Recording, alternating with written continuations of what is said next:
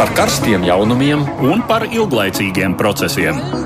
Par idejām, par cilvēkiem, par naudu un par laiku. Par abām mūsu planētas puslodēm, un lietojot abas smadzeņu puslodes. Ēterā raidījums divas puslodes. Man joprojām sauc Aits Tomsons. Šis joprojām ir ierastais laiks raidījumam, divas puslodes, un tas nozīmē tikai vienu. Pienācis ir laiks palūkoties, kas notiek pasaulē. Par pandēmiju tik daudz runāts, ka nu gribam uz visu palūkoties arī no cita skatu punkta. Un šodien grasāmies to darīt šādi. Vispirms par interesantajiem notikumiem Amerikas Savienotajās valstīs. Nerunāsim tik daudz par dramatisko epidēmijas izplatību, cik par to, kā uz visu reaģē Baltais nams. Izrādās, Donalds Trumps traģēdijā vaino Pasaules veselības organizāciju, tādēļ pārtraucis to finansēt. Publiski cīņa nu ir izvērtusies par to, vai Trumpam ir tiesības atcelt karantīnas dēļ uzliktos ierobežojumus. Apzīmējums diktatūra sastopams ir daudz pasaules valstu vēsturē. Arī šodien tas nav pazudis no Eiropas un pasaules politikas dienas kārtības. Kaimiņu valsts Baltkrievijas ilgadējais līderis Aleksandrs Lukašenko ilgi tika dēvēts par Eiropas pēdējo diktatoru. Daudziem vēl atmiņā ir Eiropas Savienības samits Rīgā pirms nepilniem pieciem gadiem, kad toreizējais Eiropas komisijas prezidents Žans Klots Junkers sagaidīja Ungārijas premjeru Viktoru Orbanu ar vārdiem diktators nāk kas tad īsti ir diktatūra un kāda vieta tai ir mūsdienu politikā. Šodien raidījumā būs atkal dažas atziņas, tādēļ savus attālinātos raidījuma dalībniekus pieteikšu vēlāk. Ar ziņām arī tūlīt sāksim. Lai arī ar covid-19 inficēto skaits aug, ir jau pār diviem miljoniem, valsts domā, kā atvieglot stingro karantīnu aptuveni pusē Eiropas valstu ir konkrēti plāni, lai tuvāko nedēļu laikā atvērtu skolas. Dažas valstis to dara jau tagad, citas vērs vaļā maijā. Eiropas komisija trešdien savukārt prezentējusi stratēģiju visai Eiropai, kā saskaņoti atvieglot stingros ierobežojumus. Dalību valstīm būs jāatbilst trim kritērijiem, pirms tās varēs sākt pakāpenisku atgriešanos pie ierastās lietu kārtības. Viens no kritērijiem ir jaunā koronavīrusa izplatības palielināšanās. Otrs kritērijs ir veselības aprūpas sistēma sagatavošana tā, lai slimnīcās un intensīvās terapijas nodaļās pietiktu gultas vietu. Nu, trešais nosacījums ir efektīva Covid-19 izplatības novērošana, veicot plašu testēšanu. Ir valsts, kur par koronavīrusu izplatību patiešām daudz neko arī nezinām, bet tā bēdīgā ziņa ir tā, ka Eiropā aptuveni puse ar covid-19 saistīto nāves gadījumu ir veco ļaužu aprūpas namos. Tomēr daudz no tiem oficiālajos datos netiek iekļauti vai netiek reģistrēti kā tādi, kas ir saistīti ar pandēmiju. Tā ir teikts otrdien publiskotā pētījumā. Startautiskā ilgtermiņa aprūpas politikas tīkla pētnieki ir izvērtējuši oficiālos datus un mediju informāciju no Itālijas, Francijas, Īrijas un citām valstīm. Tikai dažās valstīs aprūpas namu iemītnieku un darbinieku testi tiek veikti sistemātiski. Līdz ar to spriest par patieso inficēšanās un nāves gadījumu skaitu ir sarežģīti, tā norāda pētnieki. Iemesls, kas liek izdarīt ļoti skarbus secinājumus, ir tas, ka pēdējo nedēļu laikā nāves gadījumu skaits pansionātos ir strauji pieaudzis.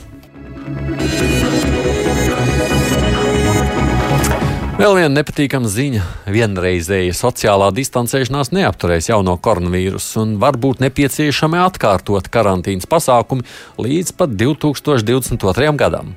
Tā ir paziņojuši Hārvarda Universitātes zinātnieki, kas savā pētījumā ir modelējuši pandēmijas attīstības scenārijus. Datorsimulācijā, kuras rezultāti ir publicēti žurnālā Science, tika pieņemts, ka Covid-19 kļūs par sezonālu slimību ar lielāku izplatību gada augstākajos mēnešos.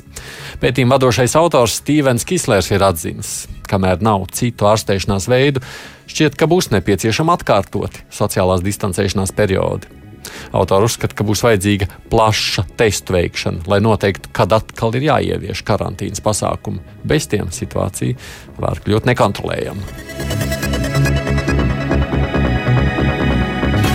ANO ģenerālsekretārs Antonio Guterres ir pārliecināts, ka esam saskārušies ar vēl vienu epidēmiju, ne tikai ar Covid-1. Viņš uzskata, ka tas, kas šobrīd notiek sociālajos tīklos, ir dēvējams par bīstamu dezinformācijas epidēmiju.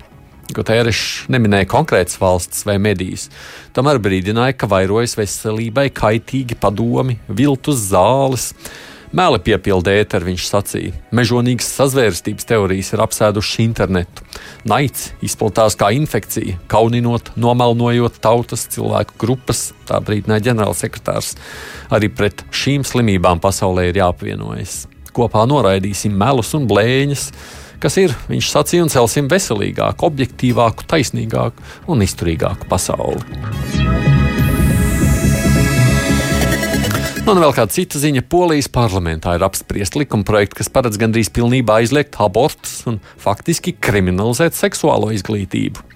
Abi likumprojekti parlamentā ir nonākuši kā pilsoņu iniciatīvas, un katru no tiem atbalstījuši vairāk nekā 100 tūkstoši pilsoņu. Likumprojekts par abortiem otrdien izprovocēja arī protests Varšavā. Ievērojot sociālās distancēšanās noteikumus, protestētāji uz demonstrāciju ieradās automašīnās. Abi likumprojekti ir izpelnījušies arī starptautiskās sabiedrības kritiku. Tostarp tos ir nosodījuši Eiropas Savienības likumdevēji, organizācija Amnesty International un Eiropas Padome.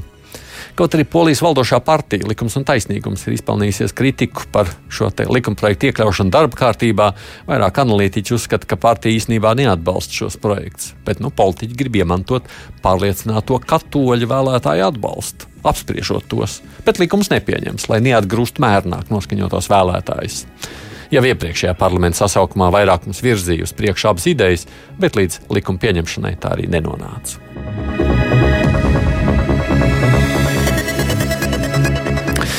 Bet nu, tagad par sākumā minētiem tematiem plašāk un vispirms par ASV prezidenta uzsākto cīņu ar Pasaules veselības organizāciju.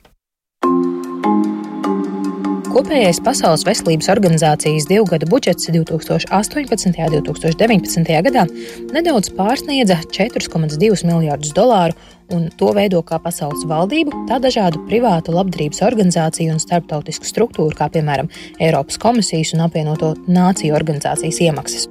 Amerikas Savienoto Valstu valdība ir lielākais šī budžeta donors, kura pienesums pagājušo gadu pārsniedza 400 miljonus. Tādējādi prezidenta Donalda Trumpa otrdienas paziņojums par finansējumu apturēšanu šai organizācijai draudēja ar diezgan sajūtamu finanšu robu. Finansējums apturēts uz laiku, kamēr tiks izvērtēta organizācijas darbība. Tas varētu būt 60 līdz 90 dienas. Trumps pārmet organizācijai nepietiekošu operatīvu darbību šī gada sākumā, saulaicīgi nekonstatējot koronavīrusa epidēmiju Ķīnā un nebrīdinot par to citas pasaules valstis. Prezidents savā mutiskajā paziņojumā to nodēvējis par briesmīgu traģisku kļūdu, izmetot arī frāzi: Man ir izjūta, ka viņi skaidri zināja, kas notiek. Trumpa rīcību kā bīstamu raksturojas Bills Gates, kura dibinātais labdarības fonds ir otrs lielākais Pasaules veselības organizācijas finansētājs. Par rīcību ļoti nelaikā to nodēvējis ANO ģenerālsekretārs Antonio Gutierrešs. Prezidenta uzbrukuma Pasaules veselības organizācijai, kas ir apvienoto nāciju organizācijas īpaša aģentūra, pamanāmi rezonē ar pārmetumiem, kurus pēdējā mēneša laikā saņēmis viņš pats sakarā ar Vašingtonas administrācijas sākotnējo reakciju uz pandēmijas izplatīšanos Amerikā. Šobrīd ASV ir infekcijas vissmagāk skartā valsts ar vairāk nekā 640 tūkstošiem inficēšanās un vairāk nekā 28 tūkstošiem nāves gadījumu. Tikām vēl viens spilgts prezidents solis ir viņa paraksta likšana uz pabalsta čekiem, kuras Savienoto valstu kase nosūta krīzes dēļ trūkumā nonākušajām amerikāņu ģimenēm. Šāda praksa tikusi īstenot arī agrāk, taču šī ir pirmā reize vēsturē, kad čekus rotās valsts galvas paraksts. Telefoniski šobrīd mūsu raidījumam pievienojas politologs, vēstures doktors Ojārs Skudra. Halo! Jā, labdien! Labdien! Žurnāli ir komentētājs Pauls Rauceps. Sveiki! Labdien! Un arī mūsu raidījuma veidotājs un komentētājs Edvards Liniņš. Sveiks! Labdien! Ko sakāt par Trumpa atrasto vainīgo Covid krīzē, Pauli? Nu, tas bija pilnīgi neizbēgami, ka viņš meklēs un arī atradīs kādu vainīgo, lai novērstu uzmanību no sevis. Eh, tas, ka tas būs tieši Pasaules veselības organizācija, nu, nezinu, varbūt viņi gadījās par rokai tieši tajā brīdī, bet uh, tas, ka, viņš, tas, ka viņš, pats, viņš jau pats vienā preses konferencē teica, ka viņš neuzņems atbildību. Tā kā kādam citam tā ir jāuzņem. Jā, viņam. Skudraškungs, ko sakāt? Nu, ir pilnīgi skaidrs, ka šis uh, pasākums iekļaujas Trumpa priekšvēlēšanu kampaņā. Uh, tas no vienas puses, no otras puses tas iekļaujas arī mm, viņa aktīvajā mm, darbībā, kas ir saistīta ar koronavīrusa izplatības un seku apkarošanu pašās Amerikas Savienotajās valstīs.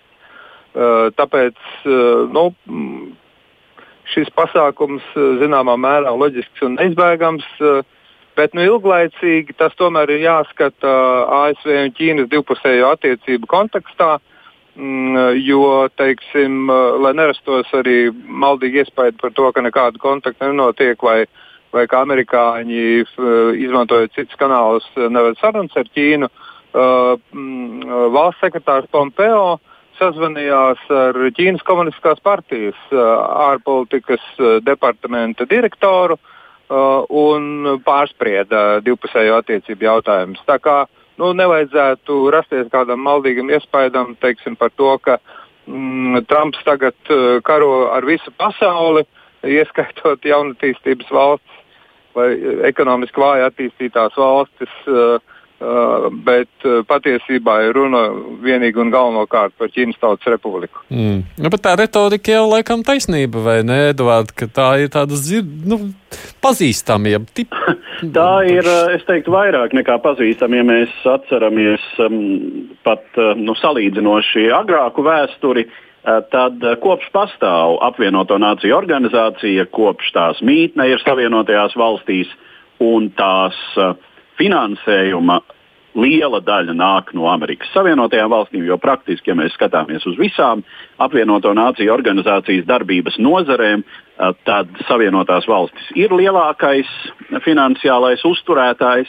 Un, protams, šādā situācijā Amerikas administrācijai laiku pa laikam ir radījusi problēmas tā situācija, ka apvienotās nācijas ir tāda organizācija, kurā piedalās vairāk vai mazāk līdzvērtīgi visdažādākās valstis uh, un gandrīz visas pasaules valstis.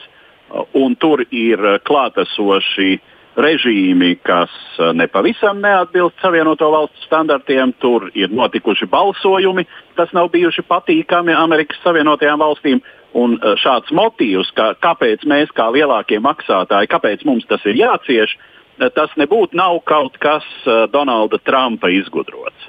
Uh, tā kā zināmā mērā jau šis motīvs laiku pa laikam atkārtojas. Nu, šoreiz tas atkārtojas arī visnotaļ spilgti, un tāda versija par to, ka Pasaules veselības organizācijas vadītājam ir pārāk cieši sakari ar Ķīnas valdību, ka viņš ir teju vai uh, Eh, Ķīnas režīma ieliktenis un tā tālāk. Un tā tālāk nu, kas arī zināmā mērā izriet no tā, ka Ķīnai ir ciešas saist, cieši sakari ar Etiopiju, kas ir pašreizējā Pasaules veselības organizācijas vadītāja dzimtene. Un, Etiopija tiešām ir viens no Ķīnas sacīt, atbalsta punktiem Āfrikā. Nu, tad tas viss veido šo kompleksu, uh, kur ir eh, diezgan liela daļa sazvērestības teoriju um, klātesamības. Nu, tas, kas ir nepatīkami, ir vis, visnepatīkamāk ir tas, ka Savienoto valstu prezidents, būdams tomēr tik ietekmīga un uh, arī līdz ar to tik ar atbildību apveltīta persona uh, šī brīža pasaulē, nu, atļaujas izmest arī tādas replikas, ka viņi zināja, nu, kas ir jau, es teiktu, aiz uh, sazvērestības teoriju robežas. Nu, tajā pašā laikā, protams, droši vien jau nav noslēpums. Nu, bija jau PVO organizācijas vadītājs, tad ļoti tādus īpaši, nu, nezinu, vārdus lišķīgus vārdus veltījis Ķīnas vadītājam, tur īpaši viņu slavējot. Nu, šajā Ķīnas ASV konteksta attiecībā tas ir jāskat arī viss šis notiekušais. No Paul... Jā, jā. Pats Trumps teica par, par Ķīnas prezidents šī februārī. Uh, viņš teica, viņam, ka viņš ar šo situāciju ir ticis galā lieliski un ka viņš ļoti labi strādā ļoti, ļoti sarežģītos apstākļos. Tie ir Trumpa vārdi. Jā, tā ka viņam te tagad pēkšņi atkal sāks kaut ko laist, bet kā lekā, rekā, e, Pasaules veselības organizācija ir nonākusi Ķīnas ietekmē un tāpēc mēs esam kaut ko tādu, nu, tāpēc viņi ir atbildīgi. Viņš pats slavēja Ķīnu e, vairāk kārt februārī. Tieši tajā laikā, kad viņš, kad Amerika nu, respektīvi Amerikas valdība Trumpa vadībā pilnīgi neko nedarīja, lai sagatavotos uh, tam, ka vīrus parādīsies arī Amerikā. Jā, bet cilvēkiem ir svarīgi meklēt. Es domāju, nav jau tikai Amerikā, droši vien jau visās valstīs, kur tā situācija diezgan dramatiski. Nu, cilvēki jau meklē, nu, kāpēc tā noticis, kurš ir vainīgs. Kāpēc... Nu jā, un, un motīvs, ka vainīgs ir kāds cits, nevis mēs, tas ir sens kā pasaule. Mēs zinām, nu, protams, ka teiksim, bet, viduslaikos, bet, kad, jā. kad Eiropā izplatījās melnā nāve, tad tai sinhroni sākās masveidīgi ebreju grautiņi, jo lūk, žīdi izplatot sērgu. Jā, jā, saka, Pauli. Nu jā, vienkārši tas, tas, tas Trumpam ir. viņam visu laiku var norādīt to, ka viņš pats to cīnījās, ir slavējis par viņu to darbu. Tā, viņam tā uzreiz atkal pavērsties un teikt, ka viņi tie visi vainīgi ir tā sanāk nedaudz īpatnēji. Jā, bet Trumpa rīcību apmēram pusi amerikāņu vērtē pozitīvi. E, tas ir nemainīgs lielums. ir, es domāju, ka pilnīgi vienalga, ko viņš izdarīs. Tur būs kaut kāds tur skaits, kas uh, viņi, nu, acīm redzot, tur tiem 42, starp 40 un 43 procentiem, kas viņu vērtēs pozitīvi, pilnīgi neatkarīgi no tā, ko viņš dara. Tas, mēs esam to redzējuši, redzējuši visu viņa prezidentūras laiku. Uh, nu, jā, bet droši, droši vien, ka tomēr ir jāsacina, ka laiks šobrīd diezin vai, ja mēs domājam par priekšvēlēšanu kampaņu, strādā uh, prezidenta Trumpa labā, uh, un arī nu, tā ļoti skumjā statistika, uh, kas ir padarījusi Savienotās valstis par šobrīd gan saslimšanas, gan nāves gadījumu ziņā uh, numur viens pasaulē. Skutaškungs, kā jūs domājat, kā šī pandēmija tiešām ietekmēs tālāk visu šo gan priekšvēlēšanu noskaņojumu, gan cilvēku attieksmi? Uh, nu, vispirms es uh, atļautos vilkt uh, vēl vienu citu vēsturisko paralēli. Proti atgādināt, ka savulaik uh, prezidents Reigans un premjera Tečere uh, panāca to, ka ASV un Lielbritānija uz laiku izstājās no tādas organizācijas kā UNESCO un pārtrauca tās finansēšanu. Mm, tad uh, atcerēsimies Trumpa tēzi, kuru viņš joprojām uztur spēkā par diviem procentiem NATO budžetā un tā tālāk. Tā kā no šajā kontekstā mm, tā vēršanās pret veselības, Pasaules veselības organizāciju uh, nu, ir uh, Trumpa politikas konsekvence un, un skatām tādā aspektā. Uh, tā kā tas nav nekas jauns, ja runājam par konservatīvo politiķu izturēšanos pret šīm starptautiskajām organizācijām. Bet, protams, tur ir arī plašāks konteksts par to, uh, vai veidojas vai neveidojas divpolārā pasaule, kurā divi poli ir ASV un Ķīnas Tautas Republika un visi pārējie ir spiesti pieskaņoties šiem diviem poliem un attiecīgi pārskatīt savu politiku atbilstoši savām iespējām. Kas attiecas uz uh, situāciju priekšvēlēšanās, tad es domāju, ka um, nu, šobrīd ir acīm redzot uh, skaidrs, kaut gan tur tiek visādas arī, uh, es negribētu saukt tās par konspirācijas teorijām, bet tiek uh, visādas teorijas izplatītas par to, ka Baidens beigu beigās varētu arī nekandidēt. Bet nu, viss liecina par to, ka viņš kandidēs. Uh, un man personīgi šķiet, ka m, mm, par spīti tam, kā tur nori, norisināsies tā pandēmija, uh, jo tur ir teiksim, epidemioloģiski aspekti, uh, un, un par tiem tad, uh, var spriest kā par kontekstu tai politiskai cīņai. Un es šajā sakarībā mm, gribu piesaukt kā liecinieku profesoru Dumpi.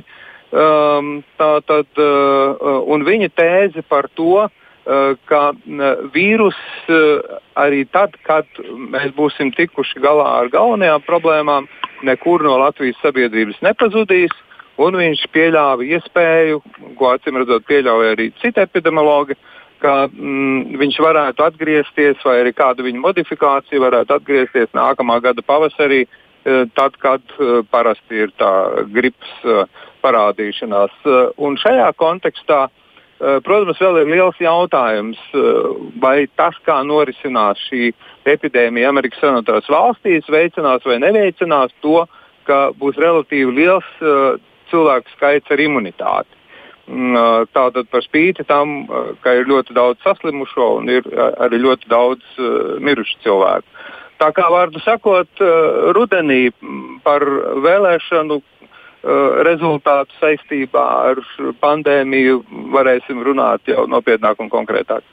Kā tu domā, Pauli, kādā veidā šis pandēmijas notikuma attīstība ietekmēs Trumpu vai nē šajā? Nu, man arī šķiet, ka šobrīd ir stipri par agru spriest par to, nu, teiksim, mēģināt prognozēt, kā tas viss pavērsīsies. Tie faktori, kas to varētu ietekmēt, ir jau skaidri, bet kā tie tiks konkrēti izspēlēti politiskajā arēnā, to nav iespējams uh, prognozēt un saprast, kā cilvēki to uztvers. Jo, protams, ir vairākas lietas. Pirmkais, pirmais ir tas, cik lielā mērā tiešām slimība tiks iegrožota. Jo, ja tagad palaiž atkal uh, grožus vaļīgākus, ļauj atkal cilvēkiem vairāk pulcēties, tad, uh, diemžēl, nu, visi tie epidemiologi un uh, zinātnieki tās prognozes rāda, ka uh, vīrusu atkal uzliesmos ar jaunu spēku. Uh, kā tas ietekmēs cilvēku domāšanu? Ja atkal savukārt, uh, jebkurā gadījumā, ekonomiskā situācija uz rudeni būs droši vien diezgan drūma. Amerikas Savienotās valstīs tur visus tos gandrīz uh, miljonus, kas ir tagad nonākuši bezdarbniekos, viņus tik ātri nevarēs atkal teiksim, sākt nodarbināt uh, tautsājumniecību. Kā tas ietekmēs cilvēku domāšanu. Un, protams, teiksim, tas ir liekas, kāpēc uh, mūsu sarunas sākumā tā, tā vainīgā meklēšana. Uh, kam cilvēki noticēs? Ja, jo tas būs tas izšķirošais, cik lielā mērā uh, Uh, viņi noticēs tiem, kas teiks, ka tas ir Trumps, kas ir atbildīgs par to, ka mēs esam tik sliktā situācijā, un cik lielā mērā, vai cik lielā mērā viņi noticēs, ka kāds cits ķīnieši, Pasaules veselības organizācija, nezinu, uh, ķirzaks no Marsa, ja, vienalga, kam tas tiks piedāvāts. Bet tas, kam cilvēki noticēs, kas ir vainīgs, tas arī ļoti lielā mērā izšķirs vēlēšanas. Un to, man liekas, mēs esam stipri pat tālu no tā brīža, lai saprastu, kā tas viss pavērsīsies. Man, protams, vislabāk patīk ķirzaks no Mārsa, ka būtu vainīgs, bet es te vēl lasu divus e-pastus, tikai nolasīšu jums priekšā. Leons saka tā, ja PVO tā tad nespēja lokalizēt infekciju, tad jāpiekrīt taču arī ir, ka kādam ir jāatbild par pieļautajām kļūdām. Savukārt Ričs domā, ka nu, jā, PVO ir izveidota tikai un tāpēc, lai būtu kaut kāds paramais zēns šajā sakarā. Nu, mums no vienas puses gribas atrast, nu, kurš tad ir vainīgs un varbūt. Jā, nu, kad, jā. Te ir jautājums, protams, par Pasaules veselības organizācijas vispār iespējām kaut ko Ķīnā um, efektīvi kontrolēt un atklāt epidēmijas sākuma posmā. Uh, jo nebija Pasaules veselības organizācijai instrumentu, lai uh, piespiestu Ķīnas valdību ielaist savā teritorijā uh, kontrolējošus nu, tādus inspektorus, mediķus, epidemiologus, kuri varētu tur šo situāciju konstatēt, kamēr Ķīnas valdība pati nebija atzinusi, ka jā, epidēmija ir un jau sākusi darboties. Nu, tas ir jāņem vērā. Nu, cik, var, cik var saprast no ziņām par šo lietu? Ja, ja es nemaldos, janvāra beigās uh, bija ziņa no PVO, ka nav šobrīd apstiprinājusies iespēja, ka šis vīrus var izplatīties no cilvēka uz cilvēku, bet tajā pašā laikā viņi ir uh, privātās, uh, tur, nu, privātos brīfingos uh, valstīm teikuši, ka viņi arī tādu iespēju neizslēdz un ka ir jāgatavojas, ka tāds varētu būt.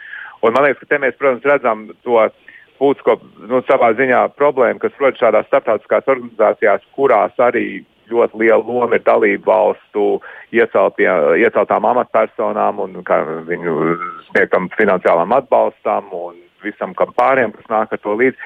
Ka, protams, tām amatpersonām visu laiku ir jāmanevrē starp šo dalībvalstu interesēm un savu tiešo uzdevumu pret pasaules uh, iedzīvotājiem un sabiedrību. Un, uh, nu, um, nevienmēr tas ir viegls uzdevums, bet teiksim, tas lielais kaitējums, protams, no tā, ka tagad varētu tikt uh, iedragāta Pasaules veselības organizācijas kapacitāte, ir tā, ka tas daudzām valstīm ir gandrīz vai vienīgais avots, ar kuru var saņemt uzticamu uh, tomēr informāciju par to, kas ir jaunākie atklājumi cīņā pret uh, koronavīrusu, kas ir veidi, kā var to ierobežot, ko citas valstis dara.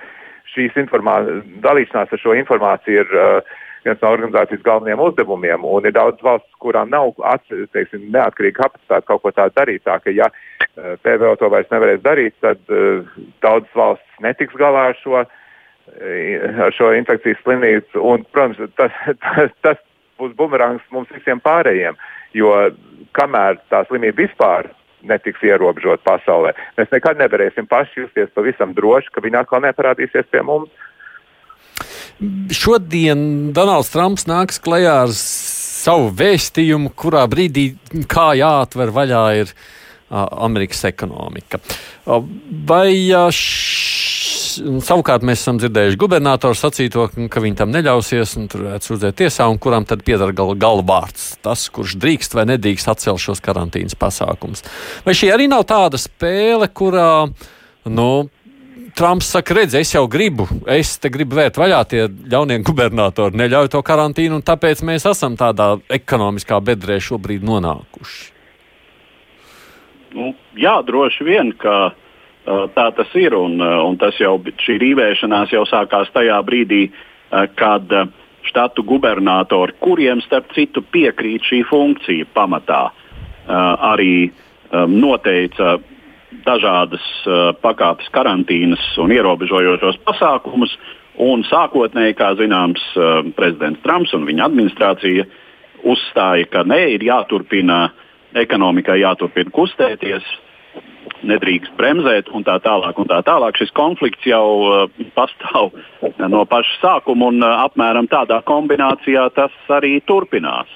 Starp citu, uh, pirms uh, arī kādām, kāda neilga laiciņa izskanēja versija, uh, ka iespējams prezidents Trumps varētu vispār izsludināt valstī kara stāvokli un tad tad lūk, vispār vēlēšanas tiktu atceltas uz nenoteiktu laiku un normālā kārtībā pārstātu darboties kongress. Nu, kongress gan viņš grasās apturēt tāpatās, es saprotu, jau ir piedraudējis nu, šobrīd. Jā, jā, nu, tur ir, tur ir, ir arī, arī tā, tāda versija pastāv, bet nu, fakts ir tas, ka tas atkal ir uz sazvērestības teoriju robežas, jo arī šī funkcija uh, Savienotajās valstīs pirmkārt piekrīt štatu administrācijām noteikt karastāvokli, un, protams, ir iespēja to noteikt visas valsts mērogā, bet arī prezidenta iespējas vienpersoniski šādu lēmumu pieņemt ir teju nekādas bez kongresa sankcijas.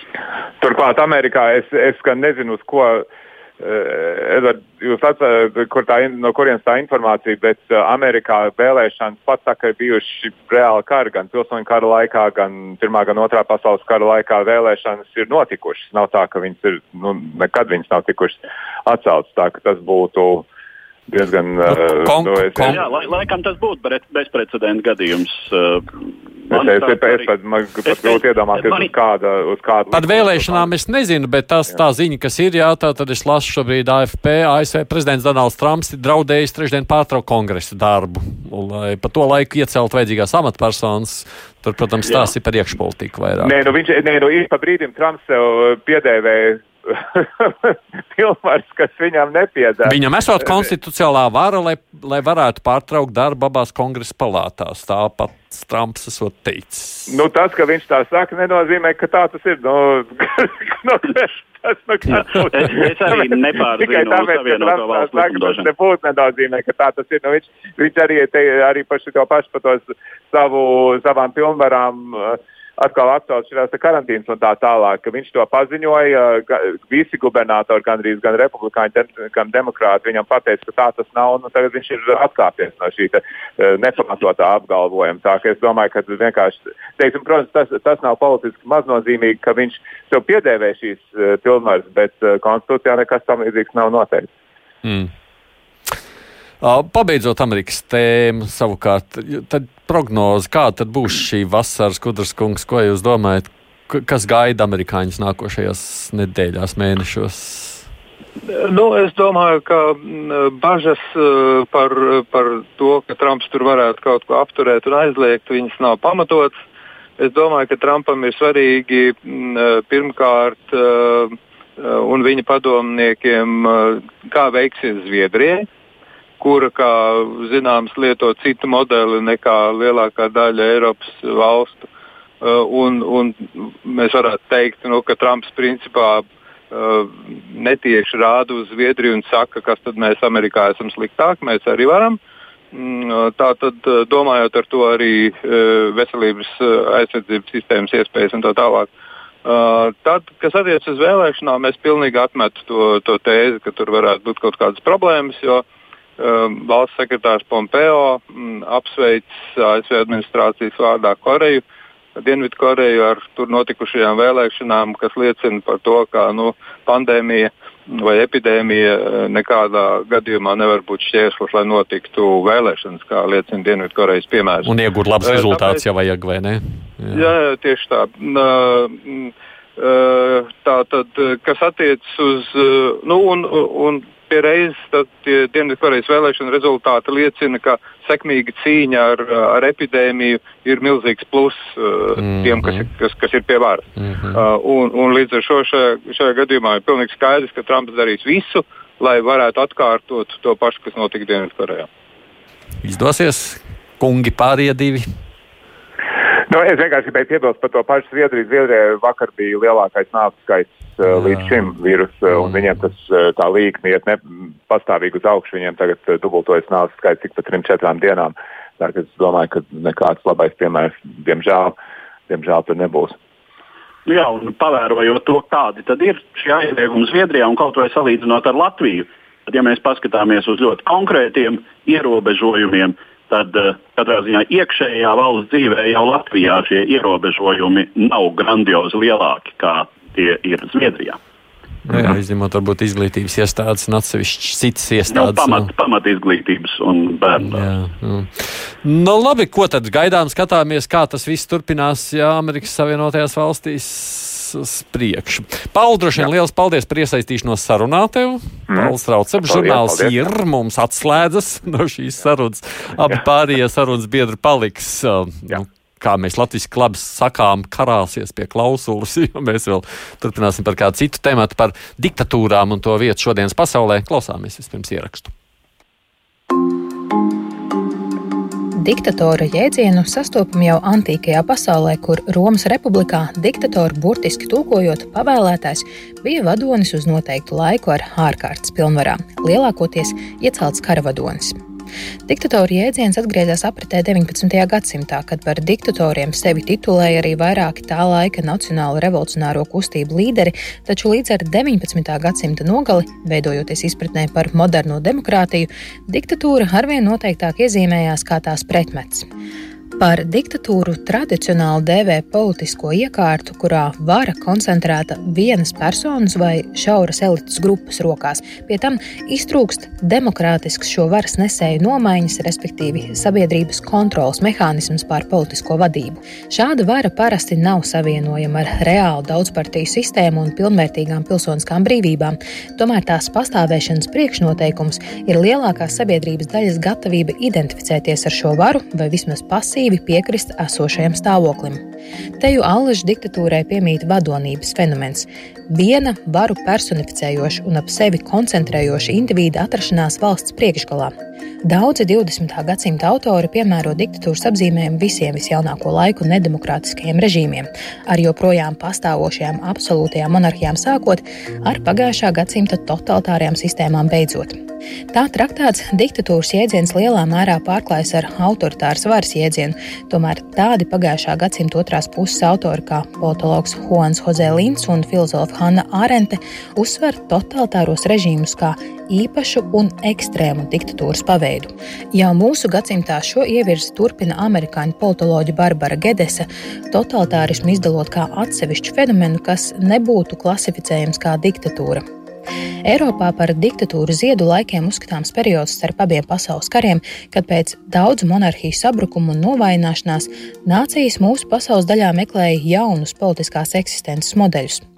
Bijušajā Krievijas impērijā Pirmā pasaules kara izskaņā varu sagrābušais bolševiku režīms sevi definēja kā proletariāta diktatūru, respektīvi revolūcijā uzvarējušās strādnieku šķiras varu pār pārējo sabiedrību tās pārveidas nolūkā. Bolševika izveidotā padomju valsts kļuva par pirmo totalitāro režīmu, kas tiecās pilnīgi kontrolēt nevien sabiedrības politisko, bet arī sociālo, ekonomisko un kultūrālo eksistenci. Kā otrs spilgts totalitārismu modelis minam salīdzinoši daudz īsāku laiku pastāvējušais vācu nacisms. Savukārt fašistu partijas vara, kas 1925. gadā izveidojās Itālijā, kļuva par iedvesmas avotu daudziem starpkaru Eiropas nedemokrātiskajiem režīmiem, taiskaitā Ulmaņa autoritārismam Latvijā. 20. gadsimta pēdējās desmitgades kļuva par Eiropas nedemokrātisko režīmu norieta laiku. Tomēr tikai daļā no posttotalitārās telpas iesakņojās pilnvērtīgas demokrātijas. Daudz vietā nostiprinājās diezgan klasiskas vienpersonas diktatūras, savukārt citur politikas praksē liek runāt par jaunu fenomenu, kas tiek dēvēts par konkurences autoritārismu. Tās ir sistēmas, kurās demokrātiskās institūcijas turpina pastāvēt, taču varas elite ar dažādām manipulācijām tās tiecas degradēt līdz politiskas butaforijas līmenim. Divas puslodes! Kādim pie tālruņa joprojām ir vēstures doktors politologs Ajārs Skudra un mans kolēģis raidījuma līdzautors Edvards Liniņš. Edvards, tā bija vispār tā ideja runāt par šo tēmu raidījumā arī šodien. Jā. Kāpēc tev šķiet tas aktuāls temats? Jautājums? Man tas šķiet aktuāls vispārējo noskaņu kontekstā, jo tas, ko mēs šobrīd vērojam sociālajos tīklos, un tevis jau piesauktais uh, nu, teiksim, dezinformācijas, dezinformācijas pandēmija vai dezinformācijas mm, vīrus, par ko ir runājis apvienoto nāciju vadītājs, eh, tad eh, tas kā vienu no elementiem ietver arī tendenci nu, teiksim, aktivizēties eh, viedokļiem par, nu, teiksim, par to, ka nede, nedemokrātiska vāra ir efektīvāka par demokrātisku krīzes situāciju risināšanā, kā mm, Eiropā teiksim, savu demokrātijas modeli ir izsmēlusi, kā nu, tā skaitā Eiropas Savienība iet bojā, tā skaitā kā vērtība orientēta sistēma un tā tālāk. Un tā tālāk. Tas ir viens, nu, un mēs jau redzam arī konkrētus piemērus, kas nav, protams, tikai šī brīža ļoti konkrētās krīzes situācijas rezultāts, bet ilgākas attīstības rezultāts, kad ne tikai teiksim, postpadomju telpas valstīs, kuras, kuras tā arī nekad nav nonākušas pēc padomju totalitārismu sabrukuma pie kaut kādas pilnvērtīgas demokrātijas, bet arī tādā valstī kā Ungārija šobrīd tiek runāts par iespējams nedemokrātiska, autokrātiska režīma uh, iedibināšanos, vai vismaz šādas iedibināšanās diezgan uzkrītošām pazīmēm. Eduards, pieteikšu tev pataukšu, varbūt tu vari mazliet tuvāk vai nu logam, vai kaut kur maz, mazliet zona zūd. Es tev ne visam sākam labi sadzirdēt. Nu, tas tāds tehniskais, jā, bet turpini tikmēr savu domu labi, piedod. Labi, jā, jā, jā man, manā rajonā mēdz būt, oh. mēdz būt atsevišķi. Paliek labāk, paliek labāk, saka. Tagad jā. turpini tālāk savu domu piedod, jā. Uh, Jā, nē, es, es, es savu domu arī lielā mērā nobeidzu. Tātad, nu, varētu teikt, jā, ka Viktors Orbāns ir mans iedvesmas avots, zināmā mērā, pievēršoties šai tēmai. Um, nu, arī, protams, droši vien ir vērts parunāt par to, kas šobrīd notiek Polijā, bet drīzāk gan tādā kontekstā, kā Polija vai tādā aspektā, ka Polija, ka Poliju uh, Eh, un tur šobrīd notiekošo tēvē par kaut ko diktatūrai līdzīgu būtu savukārt stipri pārspīlēts. Uh, nu, no otras puses, skatoties, tas droši vien jautājums arī Skudras kungam, skatoties, vai ne kā Ķīna tika galā ar vīrusu un paskatoties, kā tur Vēl cīnās. Nu, jā, bet likās, ka jau te, te pat vien vai ne, labāk nekā Itālija vai Spānija ar savu demokrātiju. Nebija tā Skudras kungs. Um, nu, es uh, vispirms atļaušos varbūt arī m, uh, līdzīgi kā kolēģis uh, Leniņš tādu m, mm, rāmi piedāvāt. Uh, ne manis izstrādāto, bet uh, Britu slavenajam liberālajam žurnālam Economist ir tāda pētniecības vienība vai, vai departaments, un viņi nodarbojas ar to, ka sastāda tā dēvēto demokrātijas indeksu. Uh, visām pasaules valstīm, nu ne gluži visām pasaules valstīm, bet 167 uh, nu, nopietnākajām, ja tā var izteikties. Ir apmēram par, par 20, 30 valstīm vairāk, atkarībā no tā, kā tur skaita. Mm, uh, tā tad uh, ļoti īsi par, par šo rāmi. Tad saskaņā ar šo pieeju, un tā, tas ir akadēmiska rakstura pētījums, ir zinātniska rakstura pētījums, nu, lai lai cilvēki nedomā, ka es tagad piedāvāju kādu žurnālistu pētījumu. Mm -hmm. Tātad uh, viņi izvēlās uh, tā, piecus galvenos kritērijus. Un tie ir uh, vēlēšana process un plurālisms, otrkārt valdības funkcionēšana, treškārt politiskā līdzdalība, ceturtkārt politiskā kultūra un piektkārt pilsoniskās brīvības. Un saskaņā ar šiem kritērijiem viņi visas pasaules valstis šobrīd ir sadalījuši mm, pilnīgās demokrātijas, tādas ir 22 ar attiecīgo sarakstu. Tad ir tā dēvētās kļūdainās demokrātijas, eh, vai arī teiksim, nedaudz eh, kļūdainās. Eh, tā teikt, metaforiski tulkojot, varētu teikt, peldošās demokrātijas, pie kurām pieder arī visas trīs Baltijas valstis, 54 hibrīdie režīmi kas ietver sevi arī kaut kādus elementus, savieno no demokrātijas un uh, kaut kādus elementus no autoritārisma. Uh, tātad 37 valstis un autoritārie režīmi 54 valstis. Tātad uh, demokrātijas visu veidu ir 76 valstis pasaulē, 48,4%, bet uh, hibrīdie režīmi un autoritārie režīmi ir 91 valstī, 51,6%. Bet galvenā tēze, mm, kas izriet no, no šī pētījuma, kas tiek veikts jau ilgāku laiku, kopš 2006. gada regulāri, vairāk vai mazāk, ka um, 21. gadsimta otrajā gadu desmitā uh, ir iezīmējies demokrātijas atkāpšanās process, ja skatāmies uz šo procesu globāli. Tā ir tā galvenā problēma, kas saistīta no vienas puses ar protestiem attīstības valstīs, jeb agrāk viņus sauc par trešās pasaules valstīm, un populistiskajām kustībām, ja populistiem uh, nemierniekiem, kā viņi raksta savā ziņojumā, uh, tajās stabilajās uh, demokrātijās, ir tajās valstīs, kas ilgstoši ir demokrātijas. Nu, lai, lai aizteiktos priekšā iespējamam jautājumam, tā tad uh, saskaņā ar šo viņu klasifikāciju un veikto pētījumu, tā tad uh, kritizētās Ungārija un Polija, tāpat kā Baltijas valstis, ir pie kļūmīgajām demokrātijām. Pie hibrīdu režīmiem no mums uh, tuvākajām un pazīstamākajām pieder Moldova, Armēnija, Gruzija, Kirgīzija. Uh, un kas attiecas uz autoritāriem režīmiem, tad tur atrodami ir Krievija, Kazahstāna, Kuba, Azerbaidžāna, Baltkrievija, Ķīnas Tautas Republika, Uzbekistāna, Taģikistāna, Turkmenistāna, nu, un, protams, Sīrija un Ziemeļkoreja. Bet jūs tagad teikt, ka labāks tas dalījums ir autoritārais, demokrātiskais, ne vārds diktatūra. Kā lūdzu? Proti, tas bet, jēdzienu, bet, jēdzienu lietošana, tā tad demokrātija uz autoritārismu un, diktat, jā. un nevis diktatūra. Un nevis diktatūra, jā. Jā, uh, diktatūra tātad, ir.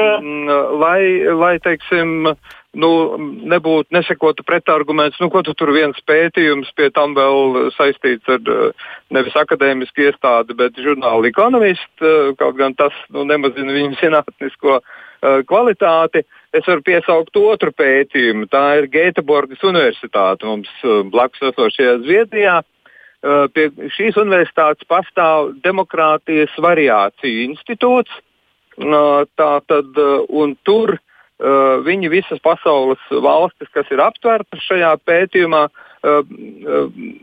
tas viņa pētījuma jēga un mērķis ir noskaidrot um, dinamiku visās pasaules valstīs, vai ir kādas pazīmes, kas liecina par virzību autoritārismu virzienā, un ir pazīmes, kas liecina par demokratizēšanos. Un šīs tendences pēc viņu domām ir novērojamas pilnīgi visās valstīs. Uh, tikai, nu, protams, atšķirīgs ir šo tendenci īpatsvars un, un ietekme. Autoritārismu virzienā, jā. Politisko situāciju, jeb režīmu valstī. Uh, saskaņā ar Gēteburgas universitātes pētījumu ātri par Baltijas valstīm Igaunija ir top desmitniekā uh, demokrātisko valstu tā teikt, rangā. Top uh, 20%, tātad no 10 līdz 20% ir Latvija un, un Lietuva. Tātad, uh, un, un kas attiecas uz, uz Ungāriju, tā ir top 40 līdz 50%. Uh, uh, tie 50% tātad tās ir tās valstis, kurās dominē demokrātijas tendences, uh, Un valstis, kurās dominē eh, autoritārismu tendences, ātri atkal piesaukšu saistībā ar mūsu diskusiju. Krievija ir top 10, 20 autoritārismā, un top 10 autoritārismā ir Ķīna un Ziemeļkoreja. Mm, tā jā, jā, saka. var visnotaļ var piekrist, ka diktatūra kā jēdziens ir mazliet politoloģiski izplūdis un tāds tradicionālistisks. Un tas lielā mērā saistās arī ar tādu, nu, varbūt mazliet trivializētu izpratni, kas, kas saistās ar šo vēsturisko izjūtu par diktatoru kā centrālo figūru, lai gan tur ir, protams, ļoti daudz arī vēsturisku pamata, jo, kā jau es savā ievadu komentārā minēju, tad te jau neviens autoritārs režīms neiztiek bez centrālās figūras, bez vadoņa. Uh, bet, uh, jā, nu, droši vien par autoritārismu runāt ir akadēmiski precīzāk par autoritāru varu. Uh, nu, un, protams, um, kā totalitārisms, tas, uh, es arī drīzāk liektos piekrist, ir kaut kas vēl atsevišķi izdalāms, uh, jo um, totalitārismam ir diezgan izteikti nepieciešama pietiekami spēcīga ideoloģiskā bāze. Uh, Un te mēs nonākam pie tā, nu, kāda ir sabiedrības iesaistītība. Jo tas var būt, ko es gribētu kā tādu vienu no galvenajiem akcentiem, ir kategoriski nepareizi domāt, ka totalitāros un autoritāros režīmos sabiedrība ir mazāk iesaistīta šīs sistēmas uzturēšanā uh, un uh, funkcionēšanā, kā tā ir iesaistīta demokrātiskos režīmos. Vienkārši sabiedrības attiecības ar režīmu un attieksme pret režīmu, es teiktu tā, ir atšķirīga. Eh, sabiedrība ir gatava eh, vai nu samierināties, bet ja runa par totalitāriem režīmiem, tad sabiedrība ir indoktrinēta um, lielākā vai mazākā mērā un pieņem šo režīmu un identificējas ar šo režīmu. Un te ir nepieciešama tā uh, tā, tas nepieciešams tas ideoloģiskais fundaments, kāpēc teiksim, daudz skatās uz Krieviju šobrīd diezgan skeptiski. No tā, nu, teiksim, uz iespēju, ka Krievijā varētu izveidoties pilnvērtīgs totalitārisms, diezgan skeptiski, jo nav šīs ideoloģiskās bāzes, kāda bija marksistiskā um, jaunās pasaules uzbūvēšanas teorija, bolševisma un, un pēc tam padomju komunismu režīmam. Mm. Leons gan te vēl prasa pie šīs precizēšanas, kas tad ir tās monarhijas Eiropā. Tās ir tāds peldošā demokrātija vai kaut kāda absolūtā demokrātija? Nē, tūdaļ jāsaka, ka Eiropā nepastāv neviena absolūta monarhija. Pēdējās, kas absolūtās monarhijas beidza pastāvēšanu Nē, līdz, jā. Nav runa par absolūtu monarhiju, runa par to, nu, monarhiju, nu, Lielbritāniju, kas viņi ir. Monarha klātbūtne, monarha klātbūtne politiskajā sistēmā katrā ziņā Eiropā šobrīd uh, neietekmē uh, nekādā veidā Demokrātija. uh, demokrātijas kvalitāti un arī mhm. attiecīgi vietu uh, šais reitingos. Es pat, es pat teiktu, ka reizumis un atsevišķās situācijās uh, monarhijas pastāvēšana ir demokrātiju stabilizējošs faktors. Spilgtākais piemērs varētu būt monarhijas loma Spānijā pēc Franko autoritārās diktatūras beigām, eh, kad Spānijas karaļnamam un konkrēti karalim Juanam Karlosam bija diezgan liela loma demokrātijas atjaunošanā. Jā, Skudrs kungs. Jā, jā. Mm, kas attiecas teiksim, uz tām pilnajām demokrātijām, full democracy, Uh, tad es ātri nosaukšu top 5 - Norvēģija, Islande, Zviedrija, Jaunzēlande, Somija. Kur ir monarhijas arī? Jā. Piesauktajām monarhijām apvienotā karaliste, Spānija, protams, arī piedar pie šīm 22 pilnajām demokrātijām atbilstoši 19. gada demokrātijas indeksam, ko sastādījis uh, žurnāla ekonomistu pētniecības vienība. Bet, ja mēs tam mēs varam atgādināt, protams, ka uh, absolūtās monarhijas, kādas joprojām pastāv pasaulē, nu, piemēram, Persijas līča valstīs, uh, ir no. vērtējamas absolūti kā nedemokrātiskas, līdz ar to autoritāras uh, varas. Mm. Bet, ja mēs skatāmies tagad tajās tendencēs, Jā, Skudraškungs, jūs teicāt, tās tendences ir, tās ir Jā. visas autoritārismu virzienā? Uh, tās ir principā uh, autoritārismu virzienā. Uh, nu, uh, loģiski, ka teiksim, arī tie tā dēvētie hibrīdie režīmi, ja, uh, ja, ja demokrātijā mm, ir vērojamas tendences hibrīda režīma virzienā, uh, tad, tad protams, nu, mēs uh, teorētiski varam runāt par to, ka tas liecina par virzīšanos prom no demokrātijas un tas uh, tas virziens, tas starposms ir tas hibrīdais režīms. Jo, jo teiksim, nu, tāds klasisks hibrīdais režīms, daļa politologu to sauc par tā dēvēto plebiscitāro autoritārismu. Spilgtākie piemēri bija Gorbačovs, Perestroikas tajos uzplaukuma gados, kad viņš pilnībā jau bija nostiprinājis savu varu. Uh, un, uh, un savukārt uh, arī Krievijā uh, tā, tā dēvētās vēlēšanas uh, um, gan, gan teiksim, Putina, Putina ievēlēšana par prezidentu, gan Medveģeva ievēlēšana par prezidentu, nu, arī ir klasisks uh, plebiscitārais autoritārisms. Mm. Ko tam mēs sakām par nākotni? Jāgatavojas ir stingrākai rokai? Nu, nē, nē, nē. Vien... Tas, tas šajā gadījumā nozīmē to, ka, mm, ka, ka protams, ir divas atbildes. Ir, ir vienkāršā atbilde un, un ir sarežģīta atbilde. Vienkāršā atbilde ir tā, ko jūs piedāvājāt, ka jāgatavojas stingrai rokai, un uz to cer Krievija. Uh, un, un, un cerība ir tāda, ka globalizācijas radītās problēmas, pie kurām pieder arī pašreizējā uh, konkrētā negatīvā pandēmijas izpausme, kaut gan globalizācija ir citas, tā skaitā pozitīvas īpašības, uh, ieskaitot globālo turismu un tā tālāk. Tātad stingrā roka valsts lomas nostiprināšanās un liberālās demokrātijas modeļa krīze ir tas, ko sludina Krievijas politologi. Tā ir skaitā tie, kas pārstāv Carnegie fondu. Un ir sarežģītā atbilde. Un tā sarežģītā atbilde ir tāda, ka uh, demokrātiskajām valstīm uh, ir jāspēj rast risinājumi tām problēmām, Uh, un jā, jāspēj novērst trūkumi demokrātijas funkcionēšanā, kas izpaužas galvenokārt kā, ja tagad atsaucos atkal uz, uh, uz tiem kritērijiem, nu, piemēram, viens piemērs, kas liecina par to, ka, ka, kāpēc tā demokrātija atkāpjas.